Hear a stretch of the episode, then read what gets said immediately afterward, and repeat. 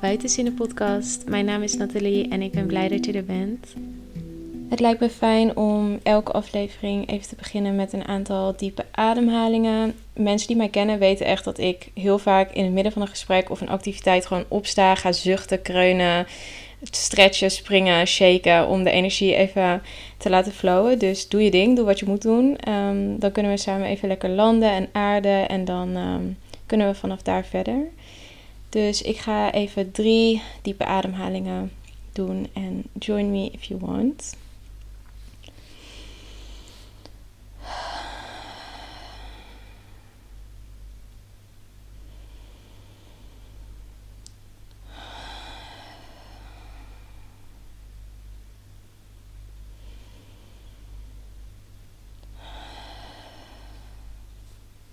Even samen landen. Uh, ik moet in ieder geval echt landen na mijn dag. Mm, het is nu bijna half zes en ik zit op de bank. Het regent. Het is een beetje zo donker in mijn huisje. En um, ja, het voelde als een goed moment om dit op te nemen. Ik, uh, ja, als je me op Instagram volgt, dan weet je dat ik al twee jaar geleden het idee had. Dan weet je misschien, misschien ook niet. Dat ik twee jaar geleden het idee uh, al had om een podcast te starten. Ik had toen een naam. Ik had afleveringen opgenomen. Maar ik was niet in staat om heel erg in de buitenwereld aanwezig te zijn, mensen advies te geven, veel over mijn eigen proces te delen.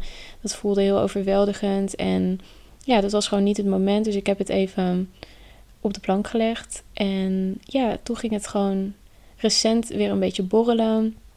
Ik heb ook weer natuurlijk dan Instagram aangemaakt. Um, iemand vroeg trouwens, hoezo? Dat kan ik meteen, kan ik daar wel even op ingaan.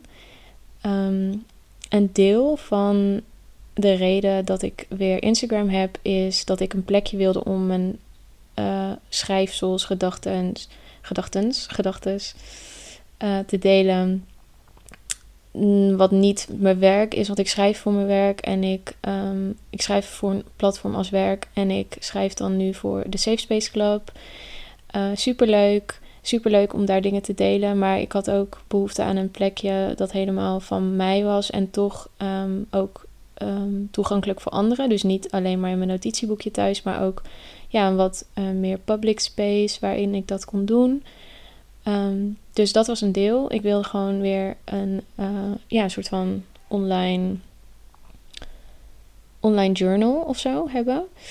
En uh, een ander deel was dat ik inzag dat uh, ja, dat ik eigenlijk had gereflecteerd op de redenen waarom ik mijn Instagram had verwijderd. En heel veel van die redenen kan ik me nog steeds heel goed in vinden. En dat zijn ook dingen waardoor ik nog steeds eigenlijk Instagram niet altijd een leuke plek vind. En ook trouwens blij ben dat ik uh, gewoon mijn oude account heb verwijderd. Ook al heb ik veel volgers weggegooid. Um, ja, dat voelt nog steeds wel gewoon aligned.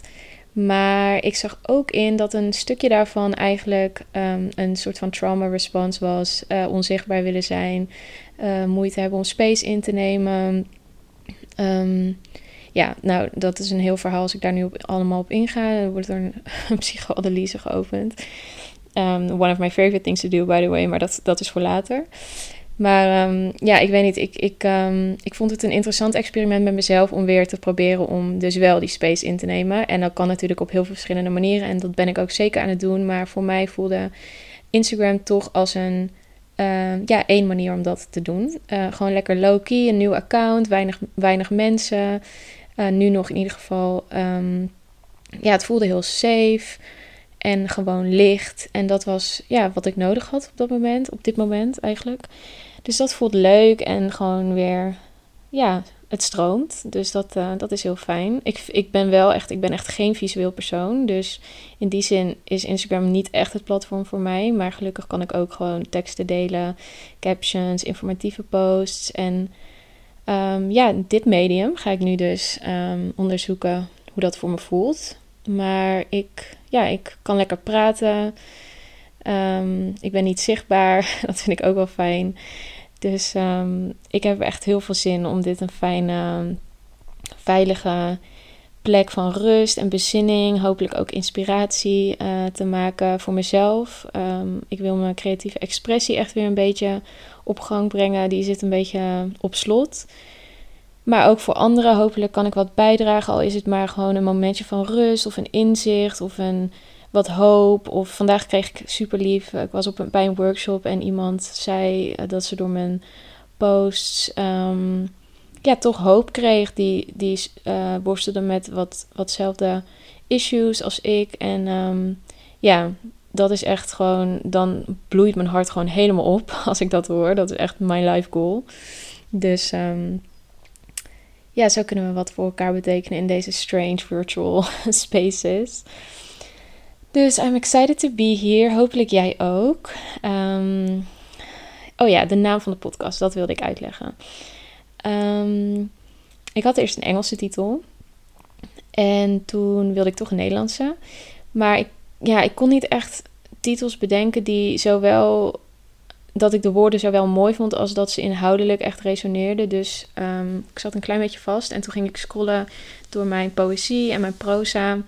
En toen kwam ik een stuk tegen dat buiten zinnen zijn heet. Um, en dat gaat eigenlijk vooral op bestaan binnen en buiten de taal. Uh, het is meer een soort van filosofisch stukje over taal en mijn relatie tot taal en schrijven en lezen. Um, maar voor deze podcast vond ik het ook wel mooi dat het een, ja, een soort van reclaiming madness is. Buiten zinnen zijn betekent natuurlijk ja, gek, hysterisch, uh, wild, um, buitensporig. En um, nou, zo kan ik me soms wel voelen. Ik ben vast niet de enige. Um, maar ja, op deze manier wil ik dat eigenlijk daar kracht uithalen. Um, en het, het matchte ook een beetje in mijn hoofd met een tatoeage die ik heb. Daar staat Gladly Beyond. Dat is um, gebaseerd op een gedicht van E.E. Cummings. Maar refereert ook naar mijn intensiteit en gevoeligheid. En altijd het gevoel hebben dat ik anders ben. Ja, daar eigenlijk kracht uithalen in plaats van het als een obstakel zien. Dus voor mij betekent deze titel ten eerste ook dat. En ten tweede ja, wat ik in mijn proza-stukje ook had beschreven, uh, onderzoeken hoe je taal kunt inzetten om je, om je uit te drukken, hoe taal je soms belemmert daarin, wat we buiten de zinnen, buiten de taal kunnen doen, um, hoe we energie met elkaar kunnen uitwisselen, hoe we dat met taal en zonder taal kunnen doen. Ja, ik denk dat dat wel heel erg passend is bij hoe ik um, door het leven beweeg met mijn werk is schrijven. Schrijven is mijn coping mechanism, mijn passie, mijn, ik denk ook wel mijn talent. Lezen is altijd mijn, mijn ja, hoe moet ik het noemen? Het is, het, is, het is een soort van gezond overlevingsmechanisme eigenlijk. Er is een foto van mij dat ik, uh, hoe oud zou ik zijn? Vijf of zo. Dat ik kruimeltjes zit te lezen en it just sums me up. Ik kijk een beetje somber en helemaal naar binnen gekeerd. En dat was echt gewoon wie ik was. Um, ik word er altijd een beetje verdrietig van, maar ook wel een beetje warm van binnen. Omdat ik gewoon in the midst of all the confusion en vragen had ik altijd mijn boekjes. Mijn boekjes waren gewoon mijn redding. En ik dacht oprecht, kan ik me heel vaak herinneren dat ik echt dacht van wat er ook gebeurt, als ik mijn boekjes gewoon heb, dan ben ik oké. Dat vind ik zo schattig als ik daaraan terugdenk. En dan mijn notitieboekje later ook, ging ik een dagboek bijhouden. Dus de taal is een soort van mijn huisje. Uh, maar ja, de taal kan ook beperkend zijn. Um, maar goed, we hoeven niet een hele filosofische discussie over taal um, te starten. Wie weet later ooit nog. Maar dat is een beetje het verhaal achter de titel van mijn uh, podcast voor mij is het ook wel nu interessant om uh, meteen te practicen what I preach. Namelijk gevoelens benoemen, kwetsbaar zijn, open zijn. En ik weet gewoon, en ik merk het ook tijdens het opnemen, dat het voor mij een uitdaging wordt om erop te vertrouwen dat dingen goed terechtkomen. Dat ik ruimte in mag nemen. Dat mijn stem ertoe doet. Dat mijn gedachten wel een, een goede weg naar buiten vinden en op hun plek vallen. Zowel in deze podcast als bij de persoon die deze podcast luistert. Mm, ja, ik, um, dat is, uh, een wordt een proces, denk ik, voor mij. Ik heb best wel de neiging om iets soms te creëren, vast als ik me er ja, vrij kwetsbaar bij voel. En dan daarna die terugtrekkende beweging te willen maken. Ehm, maar ja, dan komt er geen podcast als ik steeds afleveringen verwijder of toch maar besluit om het niet te doen. Dus ehm, toen ik ook voelde dat ik, dat ik het weer wilde doen, heb ik ook gewoon meteen er uh, werk van gemaakt. Om te voorkomen dat ik weer in mijn hoofd ging zitten en dacht van, nou moet ik dat nou wel doen? Dus ja, interessant om ehm, ook bij mezelf uh, aanwezig te blijven in mijn lichaam terwijl ik dit opneem en te, te registreren wat er gebeurt. En ja, ik, ik voel ook ruimte om dat met jullie, whoever you are at this point, um, te communiceren. Ik denk ook dat eigenlijk misschien wel het meest fundamentele doel van deze podcast is een soort van laten zien dat, hoe helend openheid kan zijn. Ik ben zelf best wel een open boek, ook als het aankomt op wat zwaardere onderwerpen. En ja, ik zie het als ja, bijna als een soort gave dat dat me vrij makkelijk afgaat. Uh, ik merk ook dat ik daar vaak mensen mee aansteek. Dat mensen zich heel makkelijk openstellen bij mij. En ik voel ook oprecht, zeg maar, ik vind dingen niet snel gek. Ik, ik vind het fijn om naar mensen te luisteren. Ik, sterker nog, het liefst zou ik echt bij een cashier bij de supermarkt nog, nog vragen van... How's your healing process going? Zeg maar, liever dat dan, oh wat een mooi weer. Het is ook mooi om te zien dat we allemaal toch onze op onze eigen manier iets moois maken. Vaak van wat zoveel pijn heeft gedaan, juist. Want ik heb denk ik in mijn eigen leven heel erg ervaren wat de schade kan zijn van niet open zijn en dingen niet benoemen. En ehm, dat er schaamte heerst rondom bepaalde dingen. Ehm, helemaal niet dat dat iemand schuld per se is, maar ja, gewoon cultureel overgedragen schaamte, generationeel overgedragen. Uh, onvermogen om dingen ja, op een bepaalde manier duidelijk te communiceren. En ehm, dat is sowieso een, een enorm probleem. Dat bepaalde, vind ik een enorm probleem. Dat bepaalde onderwerpen, dat daar gewoon een taboe op rust. Ik ben echt de anti-taboe queen. Gewoon, sorry, maar let's talk about it. Let's talk about it. Ik vind, alles moet besproken worden. En tuurlijk, uh, dit is een genuanceerd uh, ding. En je, je voelt aan wat kan en niet kan. Je, je hebt altijd je medemens neem je in acht. Je, je voelt aan hoe dingen landen bij de ander. Je houdt rekening met de ander. Je geeft trigger warnings. De, the whole thing. Maar ja, ik ben echt juist denk ik, omdat het mij zo negatief beïnvloed heeft dat dat er niet altijd was, ben ik denk ik heel erg open geworden. Ehm, en het is ook helemaal goed als iemand dat niet heeft, niet wil, niet kan, wat dan ook niet in gelooft. Dat respecteer ik allemaal volledig. Maar ik zelf zeg echt, uh, laten we alle boeken openen en let's get into it. Ehm, ja, ik denk ook dat het goed is om ja, te benadrukken dat ik dus als ik dingen over mezelf deel, dan is dat ook met een gedachte erachter, zeg maar. En ik denk daarover na en ik weeg af wat ik wel en niet deel. En uh, we leven natuurlijk in een cultuur van oversharing. Maar ja, je kan met heel veel intentie kan je veel weinig delen ik denk echt maar, zolang je het kan beargumenteren, je het bewust doet en je er zelf fijn bij voelt, ehm, is alles goed. Dat zeg ik ook vooral eigenlijk tegen mezelf, merk ik. Want ik heb wel eens met mensen meningsverschillen gehad over wat je wel en niet deelt. Ehm, maar goed, ik, ik heb daar mijn eigen ideeën over en ik vind daar mijn eigen weg in. En um, ja, ik trek vast mensen aan die dat kunnen waarderen uh, op hun eigen manier. Um, Even heel iets anders. Ik had op Instagram uh, gevraagd of jullie vragen hadden voor deze aflevering. Veel dingen die binnenkwamen waren best specifiek related to een onderwerp dat ik later wil bespreken. Dus die bewaar ik even. Maar iemand vroeg wat mijn idee is van wat mijn definitie van succes is. En ik weet niet zoveel van astrologie. Maar ik weet wel dat ik een waterman ben. Ik heb echt iets van vijf Aquarius placements of zes. En ik voel me echt heel verbonden met het waterman zijn. En voor mij, ik denk dat het ook echt een waterman-ding is. Dat voor mij betekenisvol werk doen echt extreem belangrijk is. Als ik maar een beetje het gevoel heb dat ik de wereld in some way verbeter. En als het allemaal verbonden is met mijn principes en mijn waarden, dan ben ik helemaal blij. En dan, dat is voor mij succes. En verder, ja, op persoonlijk gebied, ik denk dat sowieso mijn definitie van succes, zoals denk ik iedereen's definitie van succes, dynamisch en veranderlijk is. En ook heel erg beïnvloed wordt door mijn helingsproces. Want ik denk nu meteen echt aan gereguleerd zijn, belichaamd zijn, mijn grenzen aan kunnen geven. Uh, gezonde, goed functionerende relaties. Ehm, ja, ik kan het heel concreet maken. Coping mechanisms die ik af wil leren. Um, dus ik ga meteen heel erg die kant op. En Ik denk ook meteen aan het feit dat ik heel graag boeken wil schrijven. En ik kan me voorstellen dat het heel satisfying gaat zijn als dat gewoon gaat hoe ik wil. En als ik een boek heb waarvan ik denk, ja, dit bevat nou echt de, de waarheid die ik op dit moment wil, wil delen. En ik denk, volgens mij zei ik het net al, dat ik me gewoon als, als kind heel anders voelde. Ik, ehm, ik ja, ik had altijd in, in de klas moest ik extra werken. Dus moest ik in een hoekje zitten. En ik heb een klas overgeslagen. En ik voelde ik was heel sensitief. En als mijn moeder verdrietig was, dan kwam ik thuis en dan kreeg ik gewoon koorts. Omdat ik gewoon voelde dat er wat was en het niet begreep. En het was gewoon allemaal best wel. Ik had heel veel vragen. En ik snapte gewoon. Ik had een beetje het gevoel dat iemand mij echt zo op de aarde had gedropt van zoek het maar uit. En dat iedereen om me heen het begreep en ik niet.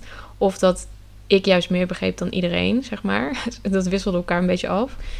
Maar het lijkt mij gewoon heel bevredigend om in tekst, mijn preferred medium, zeg maar, mezelf te kunnen uitdrukken. En eindelijk het gevoel te hebben dat mensen me dan op die manier echt kunnen begrijpen. Zo van lees dit en dan begrijp je me misschien.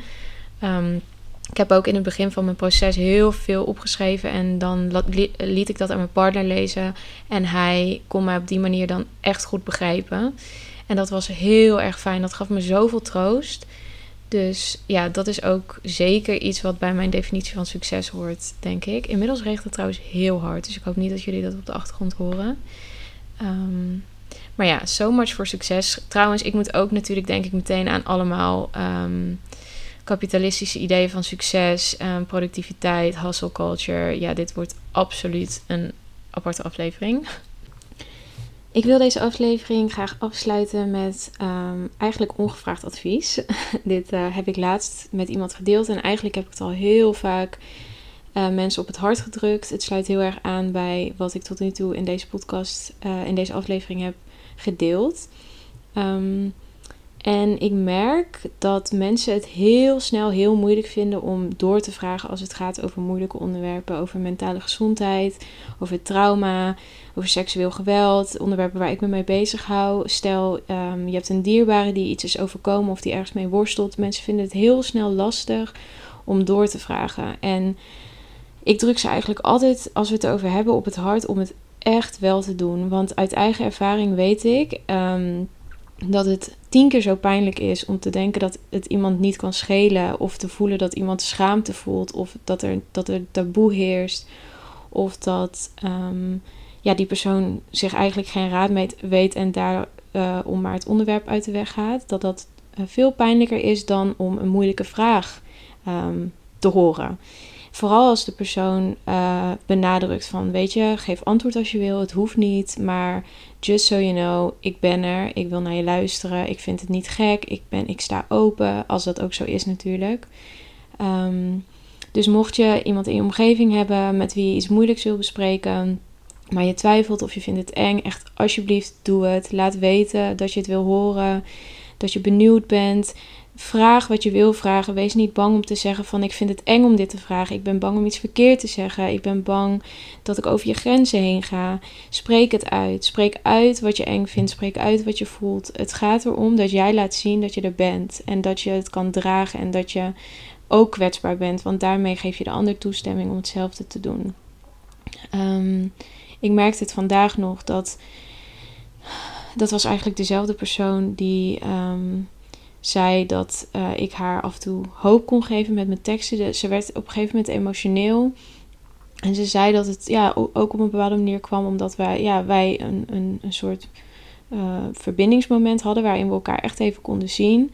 Nou, dat brengt kwetsbaarheid en ja, openheid met zich mee, waardoor zij emotioneel werd. En ik, ik merkte zo in mezelf, en ik hoop ook dat zij dat ook gevoeld heeft, dat ik zo daar zoveel ruimte voor voel voor mensen hun emoties, welke kant ze ook opgaan. Ik kan het, ik heb zo het gevoel dat ik het kan dragen. Ik blijf mensen in hun ogen aankijken. Ik, ik, ik laat me mijn lichaamstaal weten van laat maar komen, laat het er maar zijn. Ik hoef het niet op te lossen. Ik hoef het niet te verklaren. Ik voel me niet ongemakkelijk. Ik ben er gewoon en ik ik weet me ook niet altijd een houding te geven. Ik, heel vaak weet ik ook niet wat iemand wil. Vooral als het misschien iemand is die ik niet goed ken. Of dat ik bang ben om iemand te triggeren. Of dat ik iemand een knuffel wil geven, maar niet weet of die persoon daar behoefte aan heeft. Ik spreek alles uit. Ik zeg: Wil je een knuffel? Wat vind je fijn? Zal ik even stil zijn? Of, um, en natuurlijk gewoon op een rustige manier dat ze zich hopelijk ook niet overweldigd voelen. Maar ik denk echt dat heel vaak heerst het idee dat je een soort van talent moet hebben om empathisch te zijn of zo. Of om mensen te kunnen ondersteunen als ze intense emoties ervaren. Maar ik denk eigenlijk dat de meeste mensen dat heel goed kunnen als we maar gewoon onze ongemakkelijkheid aan de kant zetten. En je maakt jezelf eigenlijk ook heel belangrijk als je je eigen ongemakkelijkheid zo um, centreert. Want het gaat om de ander op dat moment. Niet alleen om de ander natuurlijk, maar als je iemand wil ondersteunen, dan is dat op dat moment even de prioriteit. En dan maakt het niet uit of jij precies weet wat je wel of niet moet zeggen. Dan gaat het er gewoon om dat je eerlijk bent, dat je open bent, kwetsbaar bent en gewoon ruimte creëert met je lichaam, met je adem, met je ogen. Kan je gewoon zoveel ruimte voor iemand scheppen. En ik denk dat dat echt het beste medicijn is. Ehm, ja, wat er bestaat voor moeilijke tijden, moeilijke gevoelens. Ehm, en natuurlijk is het zo dat heel veel mensen door trauma of door um, ja, beschadigingen, hechtingsproblemen niet, niet zo aanwezig en open kunnen zijn um, bij andermans emoties. Dus als we nou allemaal onszelf gaan helen, kunnen we daar ook weer andere mensen mee helen. En dan wordt de wereld een leukere plek. ja, fingers crossed dat dat, dat dat gaat gebeuren. Ik denk dat we goed op weg zijn. Moet ik wel zeggen, en daar ga ik weer, dat um, ik het ook wel redelijk problematisch vind dat hele ook weer een hele hype is geworden natuurlijk. Ja, hoe kan het ook anders? Van, in kapitalisme wordt alles een hype. Um, ja, dat is ook weer een ander onderwerp voor later. Uh, genoeg om over te kletsen. Um, ik hou jullie op de hoogte over het onderwerp van de volgende aflevering. Um, ik wil heel graag jullie input daarvoor. I look forward to connecting again. Dankjewel dat jullie deze tijd met mij door wilden brengen. Haal nog even een paar keer diep adem. Zorg goed voor jezelf. Zorg dat je genoeg eet, dat je goed drinkt. Ga lekker op tijd naar bed. Uh, wees lief voor jezelf. I cherish you, ook al ken ik je misschien niet. En until next time. Kusjes van mij.